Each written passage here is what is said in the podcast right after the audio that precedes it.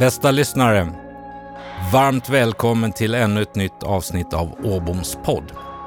Ja, som eh, ni som har varit med tidigare vet så handlar den här podden väldigt mycket om ledarskap, kommunikation, drivkrafter, tips och råd, framtiden och så vidare. Och jag har ju förmånen att få bjuda in väldigt intressanta personer och eh, sätta mig mitt emot dem i en härlig poddstudio. Och så även den här gången.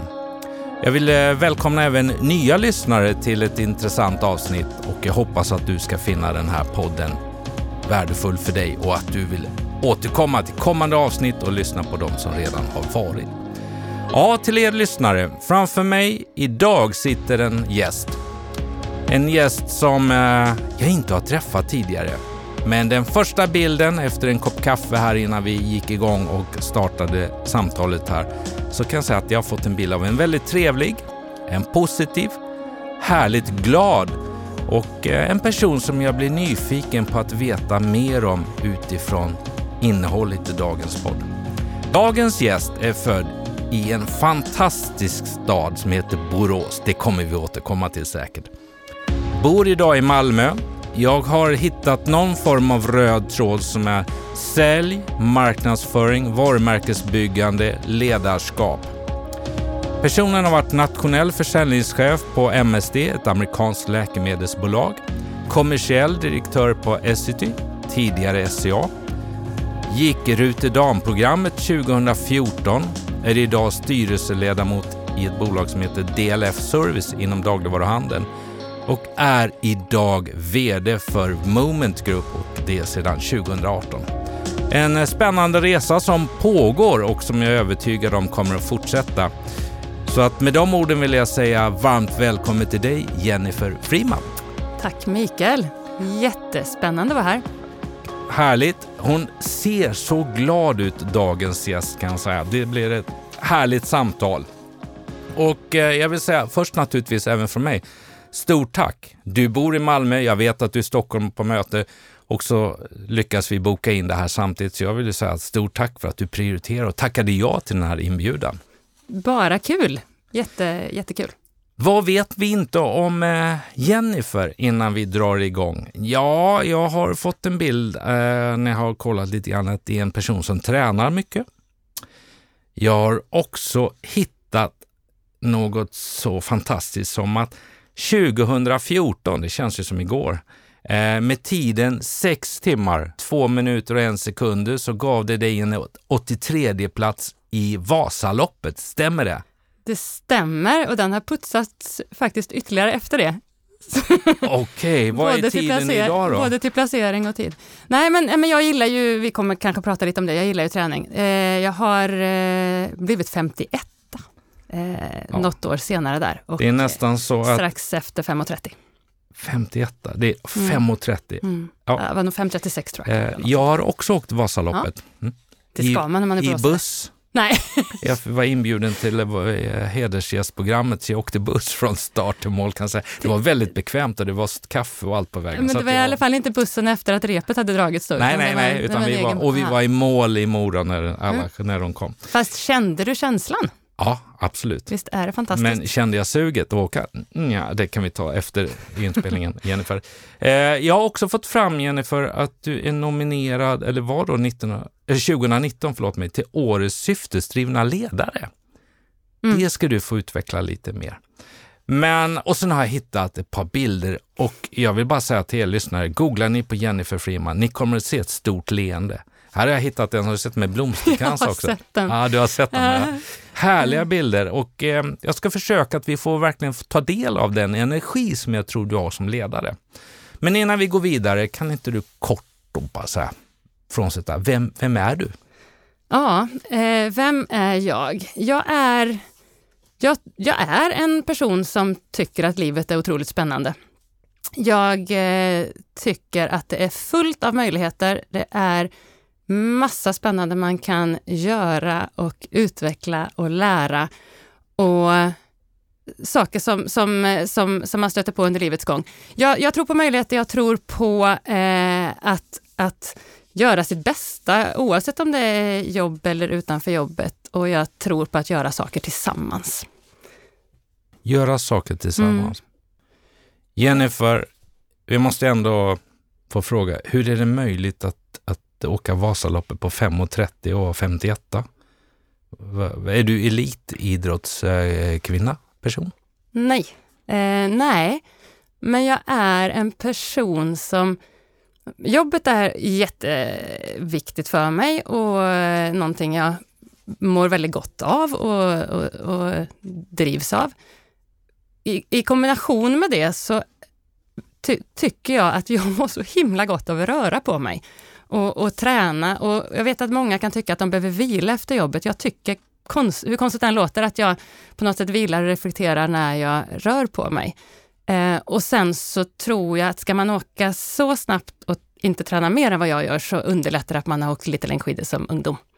För tekniken finns där och då behöver jag bara se till att konditionen hålls uppe, så funkar det ganska bra. Och den byggde du upp i den fantastiska Staden metropolen Borås. Det Det- är lite skidåkarhistorik i Borås. Ja, men det finns det. Mm. Borås, eh, grannkommunen Ulricehamn och så vidare. Exakt, där är det. skidgymnasium. och- Ja, så att söderut men ändå eh, lite skidåkar.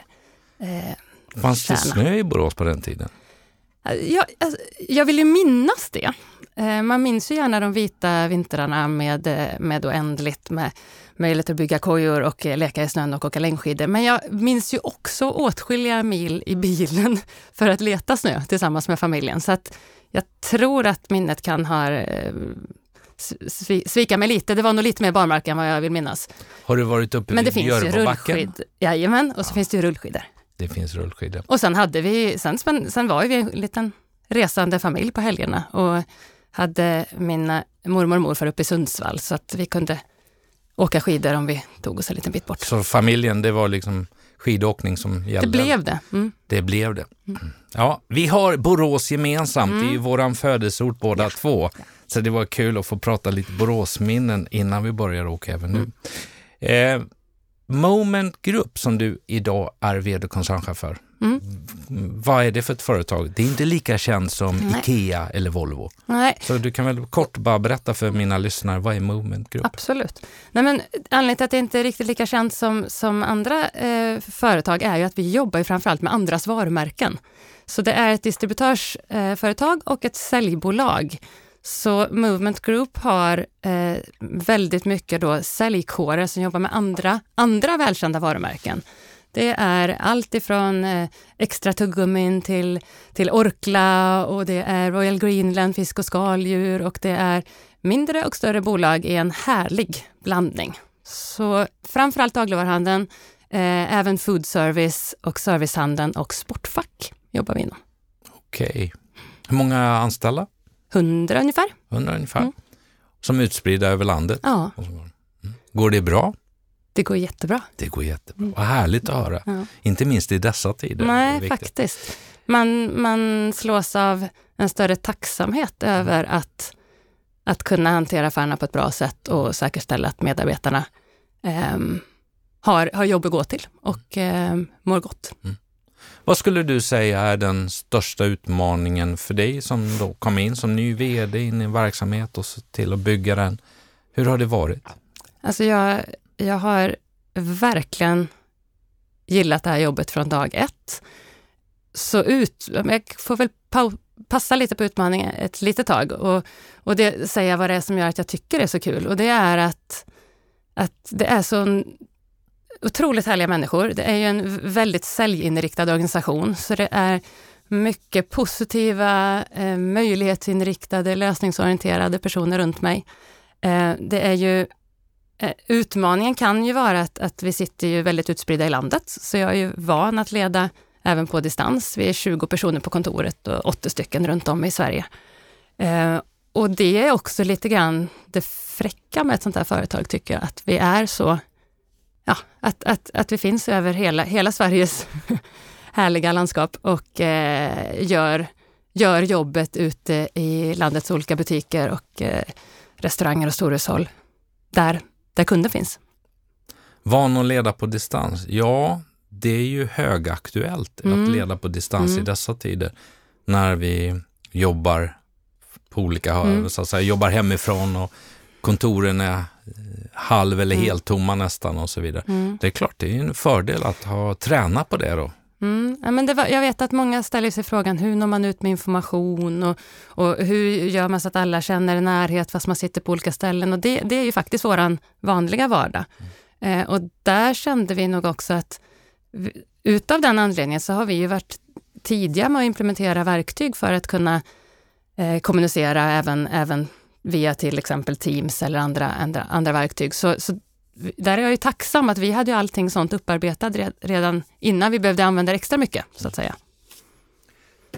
Kommunikation då är ju mm. en del i att nå ut då och eh, min bedömning och min erfarenhet är ju att det är väldigt, eh, blir mer och mer liksom vikt att vi som ledare eh, prioriterar kommunikation för att nå ut och så vidare. Hur jobbar du med kommunikation i din organisation? Hur mycket tid lägger du av din yrkestid på, liksom, på en vecka för att jobba med kommunikation till, till hela din organisation?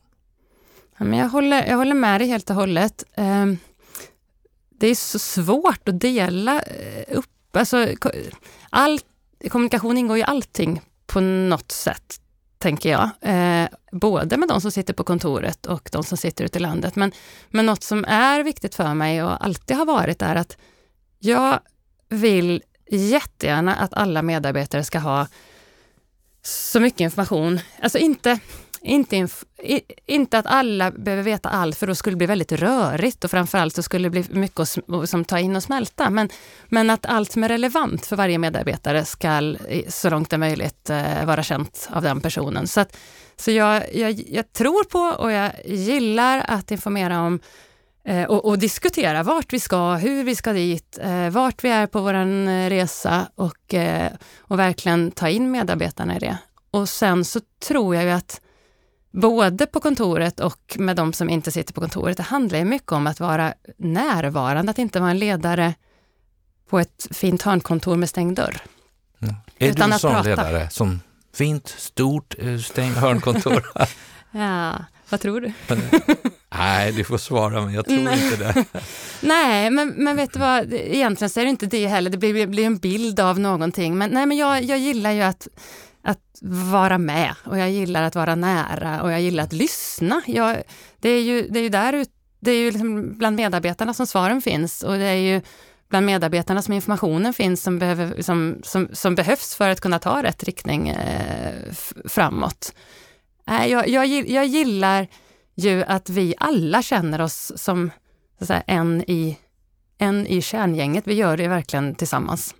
Det finns ingen som, ingens jobb som är viktigare än någon annans, utan varje, varje liksom specifik person behövs. Eran kultur, mm. hur skulle du beskriva den då? Utifrån det du säger att mm. alla är lika viktiga, eller mm var där ute, sanningen finns där eller delaktigheten finns. Hur skulle du beskriva den? Jag skulle beskriva vår kultur som väldigt delaktig. Sen tycker jag att den är väldigt varm och hjärtlig. Eh, den är omtänksam. Eh, vi söker hjälp hos varandra och vi hjälper varandra eh, om någon utmaning uppstår. Och sen så tycker jag också att den är väldigt liksom ansvarstagande. Eh, jag, jag, brukar beskriva det som att alla är VD för sina respektive roller. För jag tror att vi gör så otro, vi blir så mycket snabbare och vi gör så otroligt mycket mer rätt om var och en funderar på egentligen frågan om det här vore mitt eget företag. Skulle mm. jag gå åt det hållet eller åt det här hållet? Skulle jag säga ja till den här kampanjen eller skulle jag inte göra det? Då behöver man inte kolla med sin chef i alla lägen, utan då är man väldigt liksom, då, då, har man förtroende nog att, att fatta beslutet själv. Och sen är, är, och då blir det nästan alltid rätt, 100% rätt. Och blir det inte det, då lär vi av det och så justerar vi. Men då har vi i alla fall inte stått, stått och stampat, då har vi gått framåt. Du, har ju, du företräder ju då en massa intressanta eh, kända varumärken mm. som mm har förväntningar på dig och din organisation naturligtvis att komma ut. Eh, märker du skillnad i att ha en dialog med dem kontra då att ha det med din egen eh, organisation? Nej, men jag är nog tillbaka lite grann där, i, i det ord jag sa i början, att jag ser ju väldigt mycket att oavsett om det är med min organisation eller om det är med våra samarbetspartners, så är det ju någonting, vi, en, en arbetsuppgift och en, eh, en, en ett, ett mål vi uppnår tillsammans. Och om man inte krånglar till det mer än så, så är det inte så mycket krångligare än så. Att eh, vi är ju väldigt duktiga på det vi gör och sen behöver vi jobba tillsammans för att hitta rätt. Och så skruvar vi, om någonting inte blir rätt, så skruvar vi på det eh, tillsammans också. Mm. och hellre förr än senare. Så, så vad var frågan, om, jag, om det är annorlunda i... Mm, I ditt sätt att, känner du att eh, du får ta en annan eh, roll eller en annan tonalitet när du pratar med uppdragsgivare än i din roll än när du pratar med dina medarbetare? Jag tänker nog inte så. Jag är så. nog väldigt mycket jag. Du är mycket du. Och, och jag, tror, jag tror faktiskt att man ska våga vara det. Mm. Eh, för om man försöker, jag, jag, försöker alltid anpassa mig efter hur jag tror att jag når fram lättast till mottagaren. Men eh, att försöka gå in i olika roller, det, det tar energi åt fel håll, mm. tänker jag. Du sa, liksom, ja men jag är jag där, mm. Um, mm. kring det och står för det. Då kommer jag osökt in då på ledarskapet. Och hur skulle du själv beskriva Jennifer Freemans ledarskap? Jag tror att så här, det, det viktigaste för mig är att jag hela tiden försöker göra det som jag med goda avsikter och, och, och det, det jag tror är rätt. Jag vill vara en, en ledare som visar en tydlig riktning. Jag vill vara en ledare som tror på de anställda, som tror på deras eh, förmåga och, och, och möjlighet att, att att leverera och utveckla och så. Jag vill vara en synlig ledare eh, och jag vill vara en ledare som bidrar också. Och så vill jag att, hoppas att, jag, jag tror mycket på liksom att, att vara grundpositiv eller grundglad eller och att sånt smittar av sig och eh, gör att vi, under, att vi också har ha kul eh, tillsammans. Och sen är det ju roligt att åstadkomma resultat, så det blir man ju också glad av. och nu kan jag säga, nu ser hon otroligt glad ut här i studion också. Eh, och jag, jag tittade på bilder innan på nätet. Jag hittade ju inte någon där du i princip är, ser superallvarlig ut. Utan jag är inte så du, bra på det. Nej, faktiskt. du är inte bra. Du är väldigt bra på att se positiv och glad ut, kan jag säga, när jag ser dig och när jag ser bilderna i de här delarna. Men du, ledarskap, i, i, i dagens samhälle. Eh, 2020 spelar vi in den här podden. Vi har upplevt sju, åtta månader av covid påverkar. Hur skulle du säga att det är att vara ledare i Sverige idag? Stor fråga, jag vet. Ja, en stor fråga. Eh, hur det är att vara ledare, det är viktigt och det är roligt. Och, och, det är viktigt att vi vågar vara ledare, men det är också viktigt att vi vågar vara medmänniskor. men mm. men, men det, är ingen, det är ingen konflikt däremellan. Men jag personligen tycker att det är väldigt roligt att få vara med och påverka. Eh, och så covid, ja men jag tror faktiskt att vi som ledare har lite ansvar i att, att, att försöka lyfta blicken, eh, veta vad, eh, vilken verklighet vi befinner oss i, men försöka att se möjligheter i det och se saker positivt och, och eh, inte se det som att vi behöver negativt anpassa oss till, utan, utan se att det kommer nya saker med det här. Och det är en, det är en, det är en del i det är ju en del, alltså, det, det, som är spännande med livet är att man faktiskt inte riktigt vet vad som händer imorgon. Mm.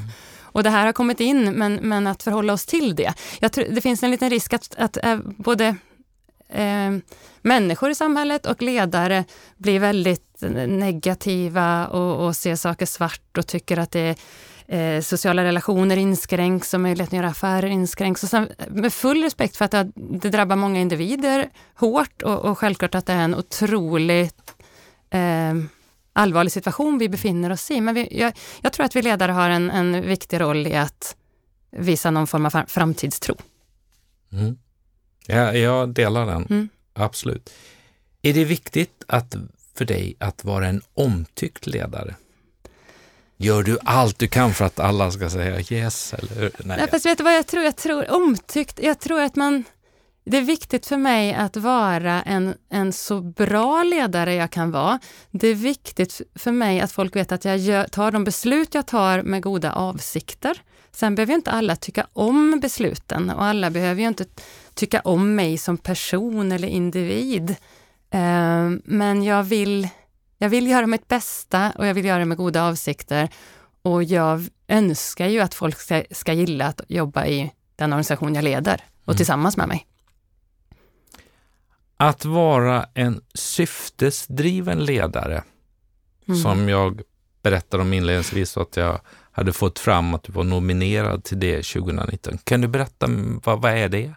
Vad menar det, den, den nomineringen gjorde mig så otroligt glad. För i min värld så, så är det ett av de som finaste omdömen man kan få. För, för, för mig i alla fall så, så säger syftesdriven att man Ehm, vill, i det ordet för mig ligger det någonting om att vilja väl. Och det kan handla om att vilja väl för, för ett hållbart samhälle, men det kan också handla om att, att eh, vilja väl för, för, för medmänniskor och ens, ens organisation och att vilja utveckla och, och jobba, jobba med ledarskap aktivt. Mm. Mm. Och vad var själva den händelsen då nominerad? Ehm, vem var det som stod bakom det? Vad är det, ja, men det, är, det är en utmärkelse som, som delas ut på dagligvarugalan. Mm. Och så har varje, varje kategori eh, vid den galan har, har olika eh, jurygrupper som, som mm. arbetar fram eh, kandidater tillsammans. Eh, jag vet inte exakt hur jag dök upp det.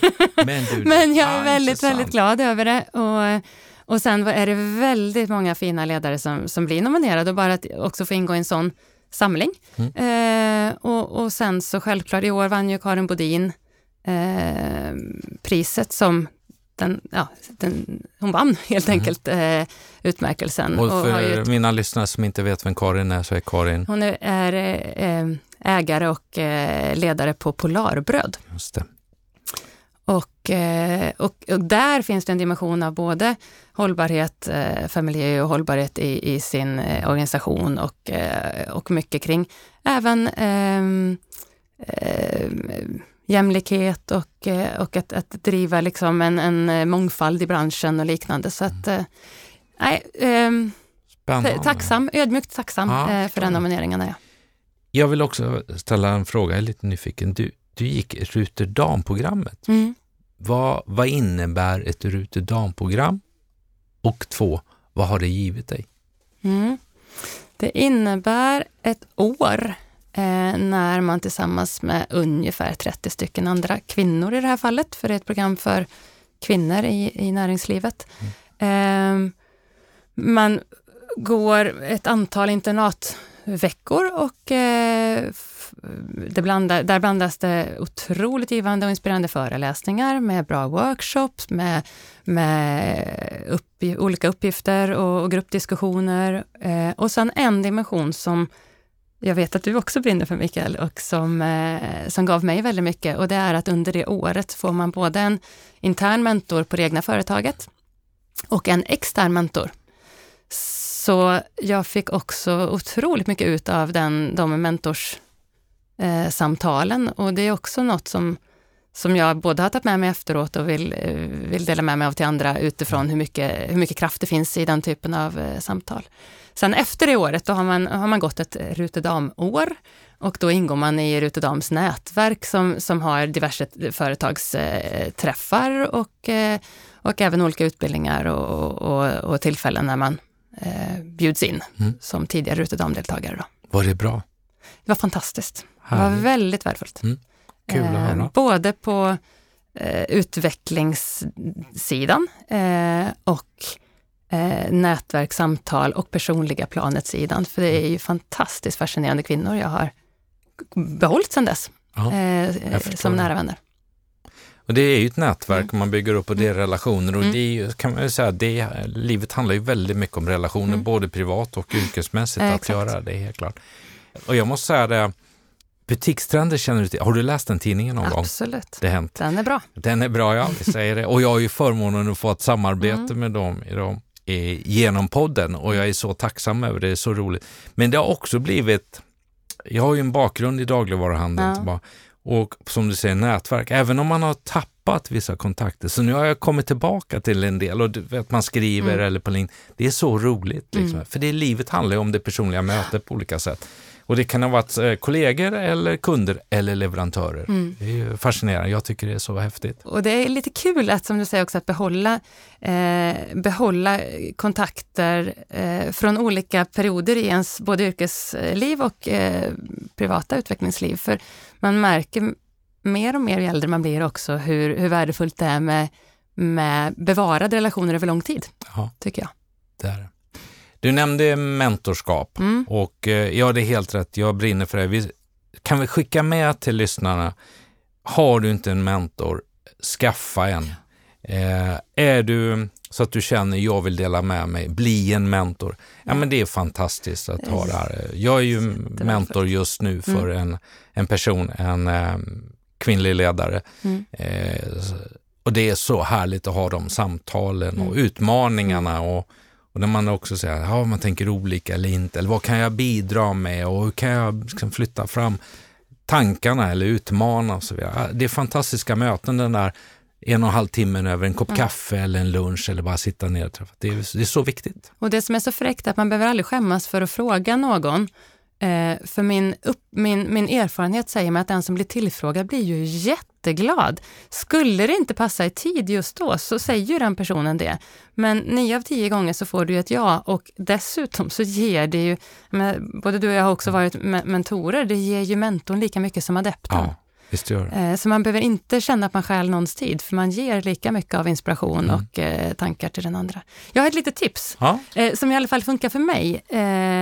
För jag tror att ibland kan man kanske vara lite rädd för mentorskap utifrån att det blir så ett, en, ett odefinierbart slut. Eh, och då kan det kännas som ett långt eh, åtagande för mentorn och kanske också lite otydligt för adepten. Att hur, har, jag, har, jag, har jag till- tillräckligt med frågor eller samtalsämnen eller så? Så jag har faktiskt börjat med att, eh, att, att ha ett tydligt start och tydligt slut. Säga, då är jag din mentor under ett år. Och under det här året, vart vill du komma då? Hur många träffar ska vi ha? Och så vidare. Och sen kanske man fortsätter, men kanske på, på li, lite mer utglesat, så att det blir lite mer koncentrerad tid. Det tycker jag ger väldigt eh, mycket åt båda två. bra. Finns ett tydligt start du- och stopp Mm. ehm, kring det, så att det inte bara urvattnas på något sätt. Och Mm. så sätter man lite press på varandra där, att också ta sig igenom det. Lite på så. Mm. Så att det inte bara rinner ut i sanden, för det blir lite tråkigt för både mentorn och adepten. Jennifer, du har eh, åkt Vasaloppet eh, mer än en gång fick vi reda på. Du tränar ehm, och du har gjort det från unga år och du har en karriär, du har varit ledare på olika sätt. Nu driver du det här bolaget som vd. Då blir jag nyfiken på att få reda på dina personliga drivkrafter. Mm. Vad är det som gör att du Mm. hoppar upp ur sängen på måndag morgon och åker till jobbet och laddar och kör, liksom, och, eller ut och reser tillsammans med, med dina medarbetare och så vidare. Vad är dina drivkrafter? Eh, Jag har inte svårt att hoppa upp ur sängen på morgonen, för jag, är, och jag, undrar, jag, tänker att det kanske handlar om att jag är så nyfiken på vad dagen ska erbjuda. Eh, Jag kan vara trött, men jag tycker att det är väldigt roligt att eh, vara vaken. och eh, drivkrafterna handlar nog om att, att le leverera, att göra ett bra jobb, att känna sig nöjd med sig själv i att, i att man gör sitt allra bästa. Det har nog följt med mig sedan sen tidig eh, ålder. Och sen att, att också uppnå resultat genom det. Och sen den, den liksom tredje dimensionen på det är någonstans också det här mötet som hela tiden utvecklar den och ger en massor tillbaka. Vad är din karriärs största framgång eller någon framgång som har betytt något extra? Ska vi se om du kan dela med dig av något sånt.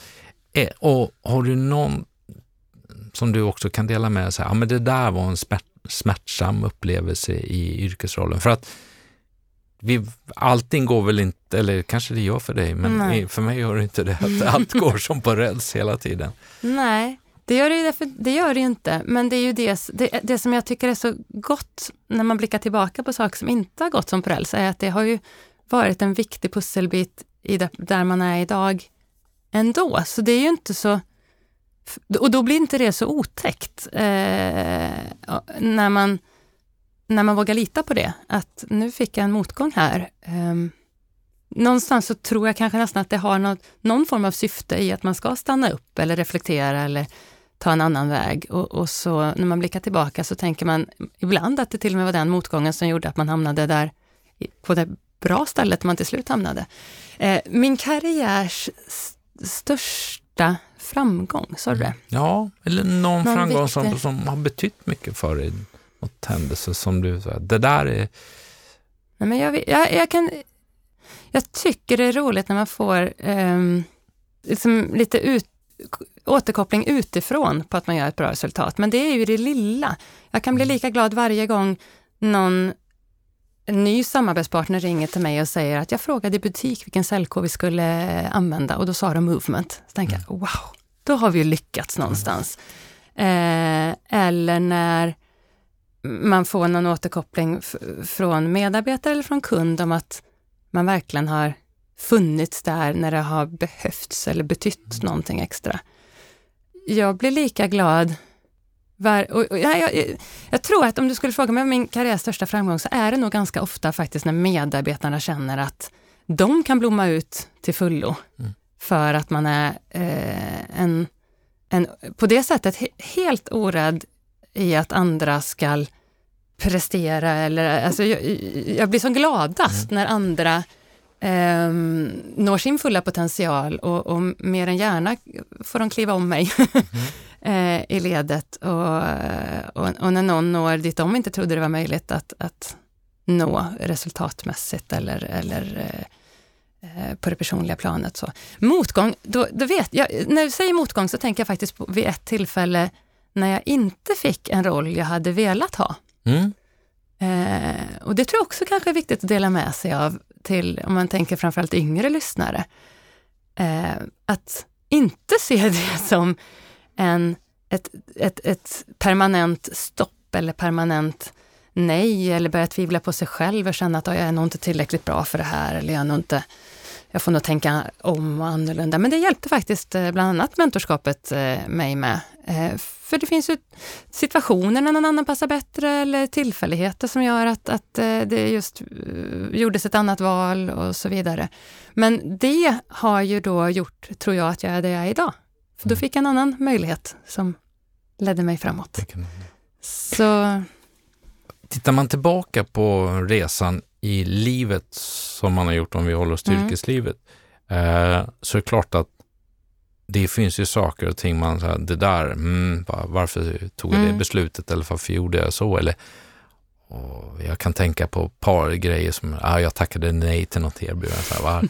Så men det kan man ju inte sitta där, utan nej. du tar ju ett ansvar. Men du lär ju dig någonting mm. av allt. Och när man tittar på också där du har velat någonting och så har du inte fått det eller någon, på något sätt så föder det ju också en kreativitet ja. inna, inom dig för att du ska hitta en annan väg. Ja. Och det skulle vi kunna skicka med till lyssnarna okej, okay, känn dig besviken och eh, ledsen mm. och eh, vad du nu kan göra, men gör det bara i några minuter. Ja, Skriv ner, dra ett streck över och se vilka möjligheter. För möjligheterna är ju oändliga ja. där ute. Har du en rätt inställning, har du liksom kopplat ihop hjärta och hjärna så har du jättemöjligheter. Och, jag håller helt med. Och sen också så tror jag att du blir en bättre ledare om du har varit med om motgång. Mm. Ja, för att eh, du kan inte plugga dig till eller studera vad man säger, till det för att se hur ska du hantera scenario ABC. Du måste ha varit där när det blåser lite, när det är jobbigt och kallt. Men jag vet att jag hade eh, föräldrar som sa upp och hoppa när man hade trillat och slagit sig. eh. Och lite så tänker jag också, att men som du säger, eh, bli besviken, eh, ut och spring skulle jag göra. Mm, ja, och sen så bit ihop och, och fundera på vad är det för möjligheter och eh, bestäm dig för en, en, en liksom proaktiv väg, bli aldrig bitter. Eh, utan hitta, hitta, en, hitta en väg framåt i den nya situation som du har ställts inför. När du kommer hem från mm. arbetsdagen, kan vara en vardagskväll eller på fredagen, eh, hur, hur stänger du av och hur laddar du batterierna till nästa dag? då, jag, jag har ju, det finns ju två ytterligheter i mig. Okay. Den, ena, nej men den ena ytterligheten och ett, det kanske mest effektiva sättet för just mig är ju någon form av rörelse. Eh, gärna i frisk luft. Så spelar det inte så stor roll om det är löpning eller cykling eller promenad eller eh, vad det än kan vara. Eh, jag tycker att någon, någonting i den friska luften får mina tankar att eh, bli friska. och eh, speciellt om man tänker sig ett, ett lugnt pass, en promenad eller en lugn jogg. Då, är, då, då löser jag eh, eventuellt eh, som kvarvarande problem och så blir jag klokare och så kommer jag hem och så är jag lycklig. Eh, hos mig funkar det. Jag tror, det, det, är ju faktiskt också bevisat att det är en, eh, som till och med en effektiv medicin med, med konditionsträning och, och liksom rörelse. Så att jag, jag, tror att det kan funka för många. Sen kan man göra det på det sätt man själv vill. Men sen finns det en annan del i mig som kan tycka att det finns inget bättre än att krypa upp i soffan och sätta sig och krama tjejerna och mm. Eh, titta på något gemensamt tv-program eller eh, äta någon god mat ihop. Och den, den lata delen, den här bara eh, rofyllda delen också. Hur ofta finns den lata delen? den finns efter den rörliga delen. Det finns efter den? Oh, ni hör, det var, alltså, det Nej, men den finns absolut. Det, det, jag, jag har inte svårt att... Jag, jag har inte svårt att till exempel sitta ute i en solstol och lyssna på poddar till exempel, tycker jag är underbart, eller läsa en bok. Men, eh, men jag, eh, jag gör ju också gärna saker tillsammans. Men, men, men alltså jag, det är också en annan sak som vi, jag har gjort sedan, sedan barnen var små. Jag har ju tonåringar nu, men mm. att, att göra den här rörelsen tillsammans. Eh, jag tror det är bra både för dem och för mig och för vi har fantastiska samtal när de till exempel har cyklat och jag har joggat när de var mindre. Eller eh, när vi liksom ger oss ut ihop. Det tycker jag är, det, det är kvalitetstid med min familj. Det är kvalitetstid. Mm. Men jag förstår. Om alla då inte vare sig kan eller orkar jogga eller mm. någonsin, så kan vi väl ändå säga att det är bra att hitta sitt eget sätt att stänga av och ladda batterierna. Exakt. Ja, och, och jag tror också det är bra att göra någonting som är i kontrast till, till jobbet. Det kan vara att, att om du tycker om att måla eller pyssla eller eh, en bokcirkel eller eh, vad som helst, någonting som är ett, ett, ett, annat intresse, ett annat syfte.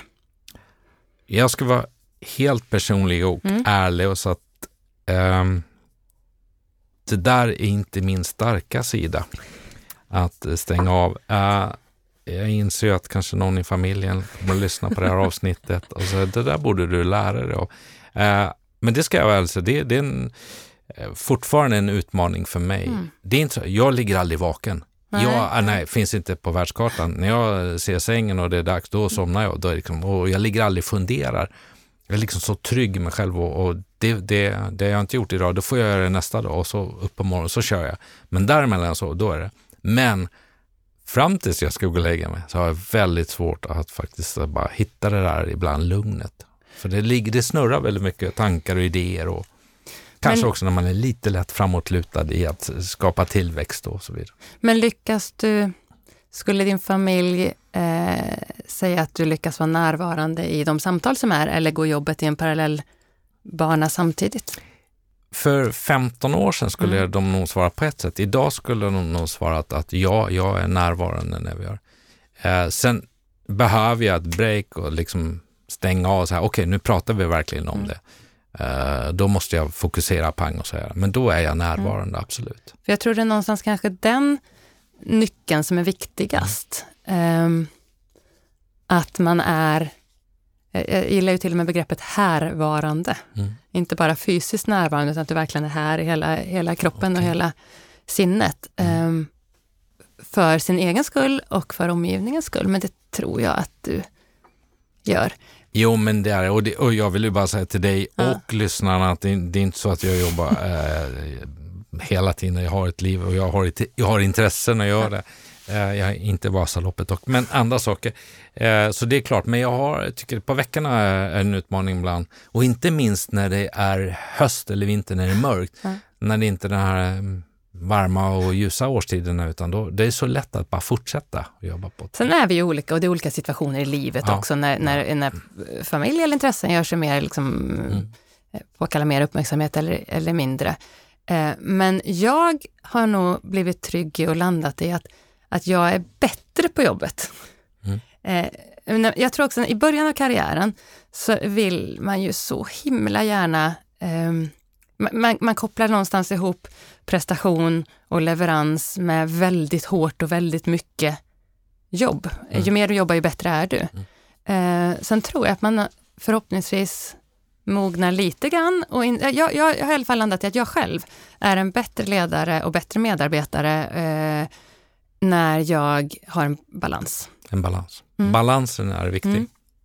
Och då kan jag med lite, lite, lite mer gott samvete göra det, för jag inser att det faktiskt är rätt för jobbet också. Det är inte bara rätt för Jenny för privat, utan det är faktiskt rätt för jobbet också att se till, för mig, att få den återhämtningen. För då är jag mer värdefull när jag är på plats. Mm. De yngre, ja det kan vara äldre ledare också, men jag vet att jag sa det innan att jag brinner lite för, när mm. vi pratade inför podden, de yngre mm. som är på väg, mm. eh, som inte har gjort den resan som du eller jag har gjort, och som är på väg in i det. Där erfarenheten är något man ska samla på sig, kommer Men utan att säga att det finns ett facit, men har du några konkreta, så säga, vi har varit inne på några saker, men har du något mer konkret där du verkligen ska, det här är jag funderat det här ska jag skicka med, mm. för det är så viktigt att tänka på det. Du har ju varit inne på balansen är mm. viktigt. Det är ju en sak mm. vi kan skicka med till de som är på väg in i mm. ett ledarskap. Har du något mer där? Ja, men jag, har, jag har det. Eh, jag, jag har funderat mycket på några saker och jag tror att det kan behöva höras eh, att, att våga. Jag tror att en del håller sig själva tillbaka. Eh, eh, och, och, jag tror att många har så mycket, mycket mer kapacitet än vad de själva förstår och, och vågar tro på. Eh, det andra är ju att, att liksom vilja och att visa vad du vill.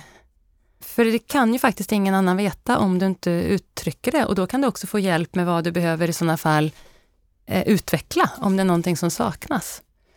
Så, så det tänker jag på. Sen vet jag att det finns eh, en del som håller sig tillbaka också och tänker att ja men inte kan jag och inte och, och hur skulle, vågar jag söka den här tjänsten och vågar jag, skulle jag klara det här jobbet och sådär. Och, och då har jag landat själv i att om jag sitter i en situation, eh, till exempel en intervjusituation, så har jag blivit lite trygg i att om den andra personen som ska anställa mig tror att jag skulle klara av det här, ja då skulle jag väl förmodligen göra det. För den personen vill inte anställa någon de inte tror ska klara av det. Mm. Eh, och så har jag varit lite trygg, trygg i det. Det tänker jag också man kan skicka med till lite yngre, yngre individer. Att, att, att våga, och ingen kan ju det innan man är där, men det är ingen som skulle Ibland tror jag att de själva tror mindre om sig själva än vad, andra ser i dem för potential och, mm. och tror om dem. Så det tänker jag. Bra. För att, att dela med sig är ju en av livets gåvor, att mm. få göra det tycker jag. Och det gör vi med, och det är ju egentligen grunden mm. kan vi säga, syftet med den här podden, att dela med sig av intressanta samtal. Och jag har ju förmånen att eh, få sitta i den här stolen som jag alltid sitter i studion. Mitt emot sitter gästerna där du sitter nu Jennifer. Och få lyssna på så många otroliga personers resa. Mm. Och den är ju individuell ska mm. vi säga då. Och det, det får man ju vara viktigt att säga att det här funkar för mig, det är inte för mig. Men vad vi vill bjuda på något sätt i Åboms det är ju ett smörgåsbord av erfarenheter och upplevelser som gör att vi kan bli bättre ledare, få hjälp att utvecklas och, och göra den här resan i de här delarna. Eh, och då tänker jag så här att eh, finns det något konkret sätt där du jobbar med för du har ju många spännande år kvar. Mm. Uh, nu ska vi inte jag fråga hur länge du ska vara kvar på Moment, eh, för då, då kan ju din styrelseordförande lyssna på det här. Så det, det skulle det, jag inte kunna svara på nej, heller. Man nej, vet ju ingenting vet om framtiden. Men ändå, du har ju Men många har spännande idéer och tankar. Eller så här. Vad, vad gör du själv för att utveckla dig mer i de här delarna? Omge sig av kunniga människor. Mm anställ personer som, som du kan lära av och inspireras av och som, som vill hjälpa dig att driva företaget framåt. Eh, lyssna, fråga. Eh, det du och jag var inne på, mentorskap. Men också vad jag faktiskt gjorde för ungefär ett och ett halvt år sedan, så insåg jag också att jag har ändå nått en liten lite högre ålder än vad jag hade för no några år sedan. Ja, det låter rätt eh, naturligt. Och så, ja. så, så att jag inser att jag inte jag är inte purung längre. Och, och då eh, tänkte jag också att nu har jag nått den åldern att jag också behöver lyssna ännu mer på yngre individer och inte bara på äldre, mer erfarna individer. Så, och, så det är ju återigen på temat mentorskap, men, men då eh, annonserade jag efter en yngre mentor en, en mentor på universitet. Och det tror jag också att man kan eh, göra aktivt som, som eh, mer senior ledare. Se till att du är relevant, se till att du hänger med på vad som händer och hur, hur andra ser på dig och ditt företag och ditt ledarskap och, och, och även vad som krävs för att nå ut till för jag tänkte att där, där har jag ju mina framtida medarbetare. Hur, hur ser jag till att Movement är relevant för dem och hur, hur, hur tycker en sån person om... Jag ställde faktiskt till och med frågor om eh, en, en, lite större organisationskommunikation jag skulle ha. Är det här tydligt? Är det inspirerande? Är det intressant? Har du en yngre... Eh, jag, jag, återigen, jag gör ju, de här, jag gör gärna de här liksom avgränsade ja. i tid mentorskapen. Så, Så, jag hade under ett år en, en, en, person som läste på Lunds universitet som, som min mentor. Okej, vad häftigt. Ja, det var... Det, ja, det var, det är, och jag kommer göra det igen. Och om jag inte har en, en, en yngre mentor så kan jag åtminstone prata med mina ungdomar hemma eller eh, andra. Och, och, så det handlar ju handlar om att lära av varandra. Hur är din styrelseordförande? Han är bra. Han är bra. Torbjörn Känner Karlsson. du honom? Ja, precis. Torbjörn. Ja, men det visar ju sig när jag förbereder mig. Titta, nej men är det Torbjörn mm. som är styrelseordförande? Absolut känner jag honom mm. sen, sen dagligvaruhandelstiden mm. och, och yes. Eh, min bild är att det är en väldigt eh, trevlig, eh, positiv och kompetent person som jag då hade som leverantör kan jag säga på den tiden. Det instämmer jag i. Om jag ringer Torbjörn mm. och säger det var länge sedan Torbjörn vi sprang på varandra och pratade. Vet du att jag har träffat Jennifer Friman i en poddstudio? Ja. Ehm, men om jag, och så, så här, kan inte du beskriva Jennifer då? Ja. Hur skulle han beskriva dig? Du får göra det sen och se om det stämmer, ja, för det vet ja, jag inte. Nej, Gör det. ja, det. Eh, jag skulle Torbjörn säga, jag tror att Torbjörn skulle säga att, uh, att jag har en hög, hög energi, hög fart och hög uh, uh, vilja. Han skulle kanske säga att jag är lite envis också. Och så skulle han säga att vi jobbar bra ihop hoppas jag.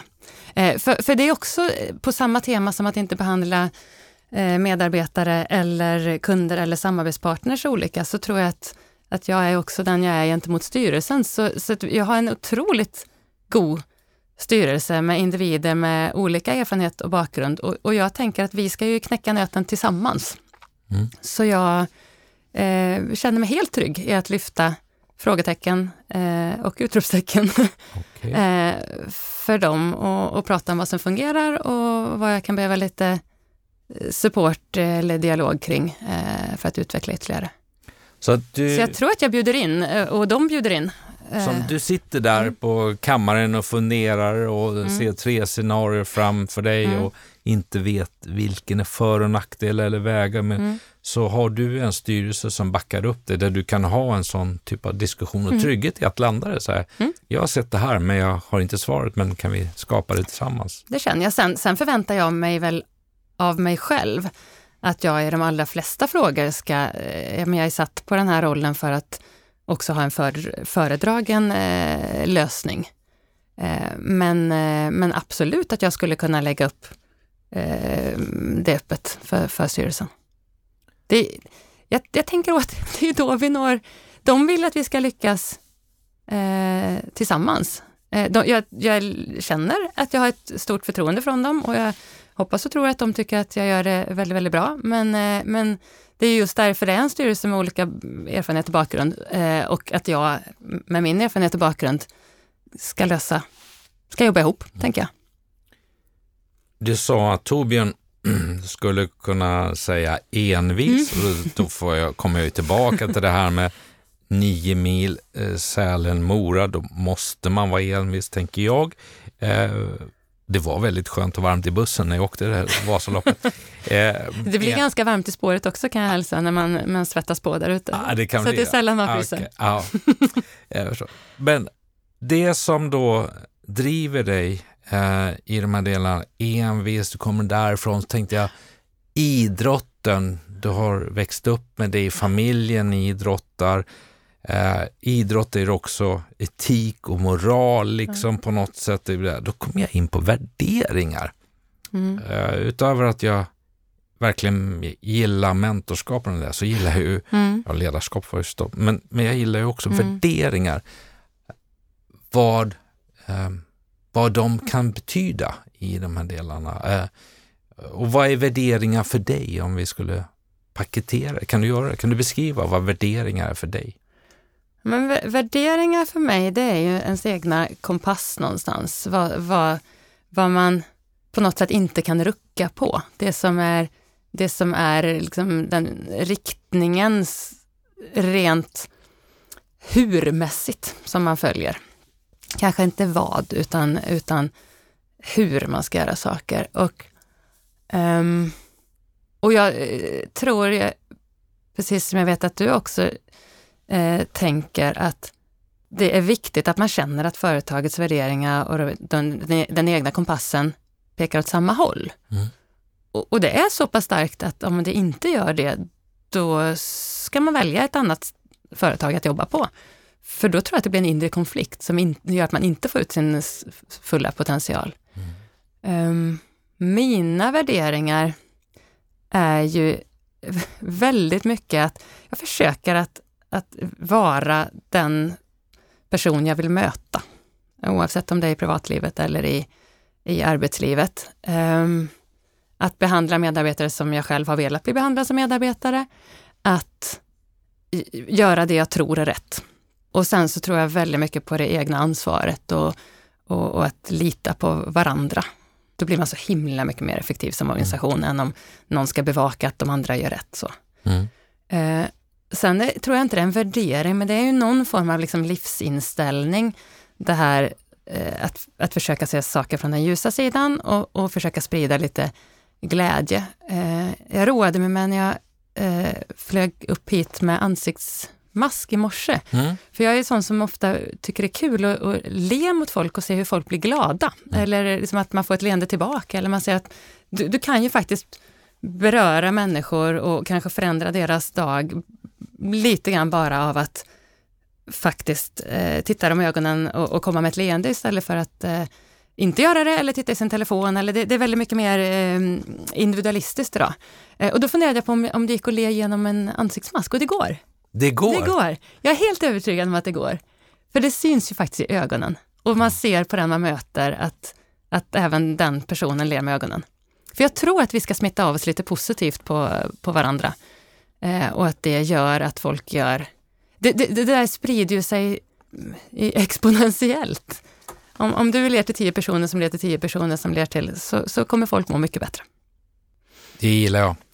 Jag hade förmånen att ha Frida Boysen här som en av mina gäster och vi pratade just det om att hälsa. Mm. Och det, då berättade jag, och det är då min fru som har lärt mig det när vi är ute och typ powerwalkar. Mm att hälsa på dem man möter. Och eh, alltså det, det är faktiskt väldigt roligt att se reaktionerna. För ett så förväntar sig inte människor det, eh, alltid kan jag säga. Mm. Och det andra att se att, jag tänkte på det senast i lördags, då, då, då, hälsa, då några äldre damer som, som var hej, hej, och du vet, de sken upp sådär mm. när, när någon såg dem. Mm. Och vi har ju ingen aning om om det var en ensam äldre kvinna som var ute och gick eller vad det var. Så, men att, och, och kanske, aldrig ha, kanske inte har några vänner som pratar. Vi vet ju aldrig det. Det är häftigt. Och det har jag fortsatt med. Det, det är så du säger. Och nu har du fört till en ny dimension att vi ska le med ögonen också. det gör du, det ser jag. Det kan jag berätta för er gäster, att, att, eller för er lyssnare, att det gör Jennifer verkligen. Uh, så det tar jag med mig och sen vet man aldrig vad man möter. Jag måste få berätta. Jätte. När vi var ute och gick i lördag så kommer vi en sån här powerwalk och så mm. på ett ställe och sen möter vi en, en, en eh, dam, en kvinna lite längre fram som helt plötsligt går över och så när vi kommer närmare säger Hej Mikael! Och, och du vet, på en sekund hinner du verkligen fundera på uh, vem, vem, är det, vad är detta, hur vet de inte, ja, du vet man inte. Mm. och så säger hej, jag jobbar i ditt bolag. Då är det en av våra 950 medarbetare eh, som jag eh, inte liksom naturligtvis inte föll ner på en gång. Vem är det här? Vilket kontor? Och vi har ju 300 kontor. Men jag blev så glad att hon såg att mig. Hon gav sig till att känna. hon gav sig till känna. Vi stannade upp, hon var ute på en hundpromenad. Ja. Vi fick växla några ord och hon fick berätta. Alltså, jag blev så glad efteråt. Då så. är du nära dina medarbetare också, för ah. då känner de det, även om du inte känner var och en av dem personligen. Annars skulle de inte våga gå fram till dig så och vilja ah. prata med dig. Nej, det kanske. Jag blev så glad. Så att det, jag skriver alltid ett måndagsmail till alla mina chefer på morgonen när de kommer och säger god morgon, nu äntligen måndag skriver jag. De, de har väl tröttnat på mig när jag säger bara, på fredagen brukar jag säga bara, vet ni vad? Nej, det är bara två dagar kvar till måndag, yes. eh, och så skojar vi om det. Men då skrev jag verkligen om, om att eh, man vet aldrig vad som väntar, vad som händer och vi som ledare har ett ansvar. Men det var häftigt tycker jag. Och det är så himla roligt det du säger kring och även om det inte är ensamma personer så tror jag ändå du gör deras dagar när, när du säger hej till dem. Och, och tänk om det är en ensam person där det är ett av de få möten de har där de verkligen blir sedda just den dagen. Mm. Och sen så, så tänker jag återigen då från medarbetarperspektivet. Det var en modig kvinna som, som sa hej Mikael till dig ja. eh, och du blev jätteglad. Ja, så från medarbetarperspektivet, var aldrig rädd för det. att gå fram, approacha någon, eh, säga några ord eh, och som sagt, som vi sa innan, fråga, skulle du ha tid att sitta med en halvtimme och prata om det här eller det här? Eh, vi människor blir ju glada av att vara sedda, bli ja. sedda. Och det ligger väl som ett DNA i ett bra ledarskap, mm. att se medarbetarna, att göra det där personliga på något sätt eh, kring det. Att, att våga och att, att inte bara våga, utan prioritera mm. som ledare att göra, ska vi säga. Mm. Är det den kulturen vi ser inom din företag idag? Ja, det, det, det känner jag. Mm. Och det tror jag och det är också vad, som, vad, vad medarbetarna speglar tillbaka till mig. Eh, inte att jag gör, utan att jag ser att de gör det mot varandra och mot mig. Eh, jag tycker att vi uppmuntrar varandra, ser varandra, eh, får energi av varandra. Och där har vi då möjligen det här att, eh, att, att vi får hitta nya vägar utifrån den situation vi är i nu när vi inte riktigt lika lätt kan synas fysiskt. För vi har ju också konferenser för att alla ska få träffas och utvecklas tillsammans och träna på nya saker och så. Och där har vi också behövt tänka till. Men istället för att tänka, åh vad tråkigt, det kan vi inte göra, så har, så, så har ju frågan hos oss varit, hur gör vi istället?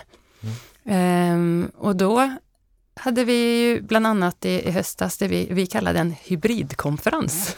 En hybridkonferens? hybridkonferens okay. Där vi, eh, normalt sett så är vi ju nästan 250 personer, både medarbetare och kunder som träffas på ett och samma ställe och det kan vi inte göra under rådande omständigheter.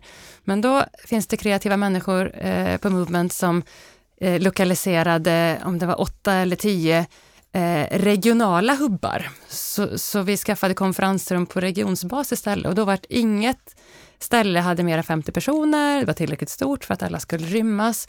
Och som en bonus på det så, så stärkte vi de regionala teamen och inte bara de nationella teamen. Mm. Eh, och så kopplade vi upp oss mot varandra i de här olika konferensrummen istället. Och sen under veckan när vi hade lite digitalt så, så bröt vi av med en kukulong och så hade vi en train along och, och så vidare. Så att, det går ju att hitta nya former att mötas. Eh, och nu till januari så tänker vi att då får vi dela landet på andra hållet. Så då får vi inte träffas alla samtidigt, men då kanske vi kan träffas i de nationella teamen och så sprida ut det mer under, under veckan. Så att det finns lösningar, man får bara, man får bara eh, slå sina kloka huvuden ihop och hitta alternativ.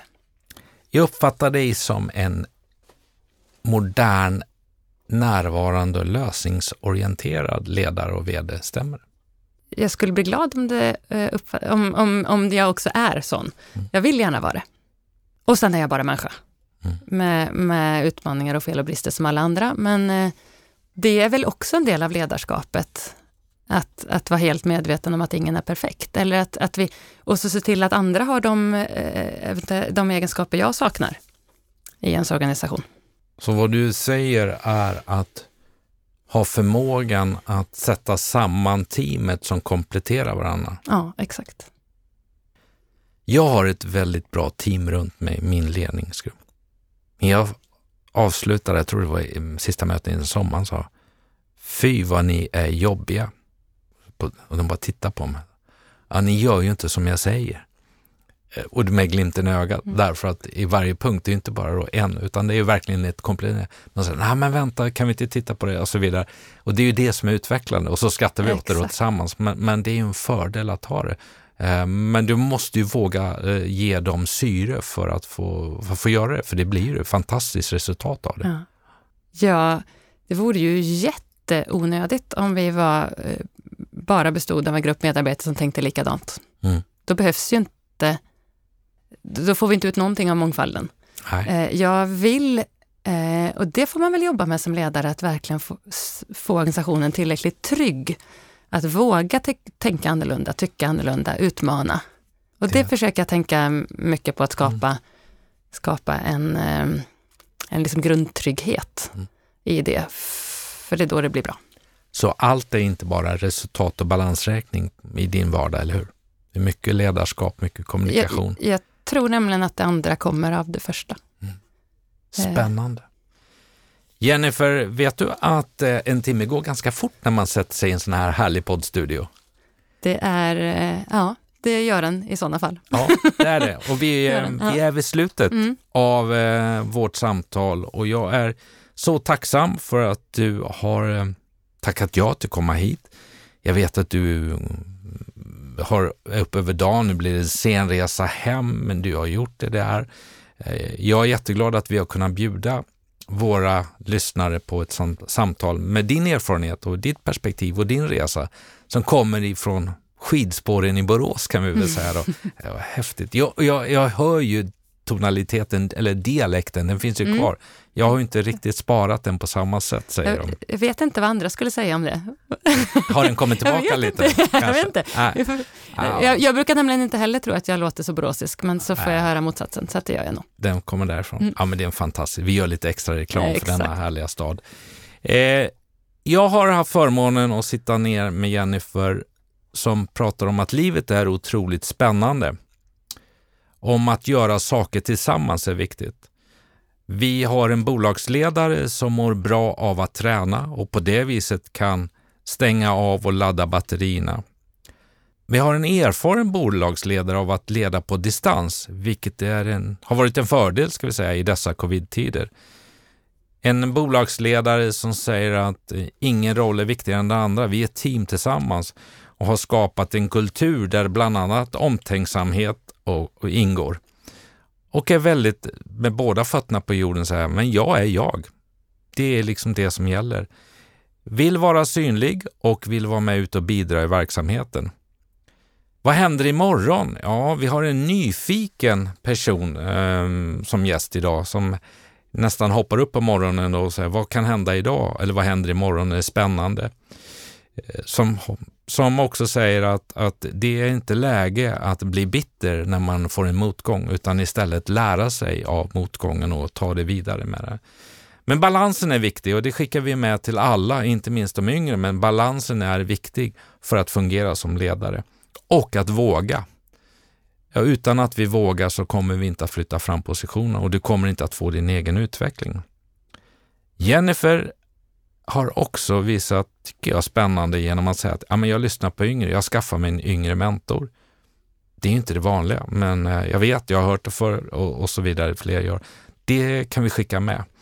Och eh, jag upplever Jennifer som en lösningsorienterad, glad och inspirerande VD och som har lärt mig att det är inte bara munnen man kan le med, man kan också le med ögonen. Stort tack, det varit härligt. En timme drygt, det har gått fort. Och eh, känns det bra för dig? Det känns jättebra. Ja. Det är jättekul. Tack snälla. finns ju en viktig sak att göra till och det är att ställa en fråga. Och det vet du, du har fått den innan eh, av mig. Eh, våra, mina gäster får ju alltid avsluta med att spela ett låt som kan vara en favoritlåt eller något som har betytt något och så vidare. Vad har Jennifer Freeman valt? Men då valde jag ju Lales Det kommer bli bra. För jag tänker eh, lite så. Det är en, en, en härlig människa, en, ett gott gung, en, en, ett positivt budskap. Eh, och där är ju också en hel del barn som väl får i sådana fall då eh, representera det här om att det finns otroligt mycket krafter där ute och eh, framtiden ligger framför oss och eh, det kommer bli bra. Det blir bra på något sätt. På något sätt. Mm.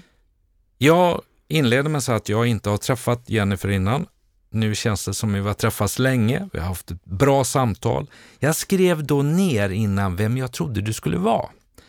Glad skrev jag som ett ord. Driven och tävlingsinriktad.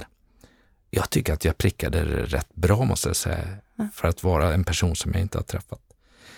Sen måste jag säga, det var ju lite extra krydda att få prata om Borås när man är född och uppvuxen därifrån. Så önskar dig allt gott, lycka till med verksamheten, hälsa din styrelseordförande. Jag ska söka upp honom stämma och fråga om, om stämmer det du berättade och vad du tror han tror om dig. Eh, men, men lycka till med verksamheten och framförallt må väldigt bra själv och var rädd om dig i dessa tider och ta hand om familjen. Tack Mikael och detsamma till dig. Tack för ett otroligt eh, inspirerande samtal. Det här Tack. gav mig energi. Tack snälla. Nu lyssnar vi på Lale.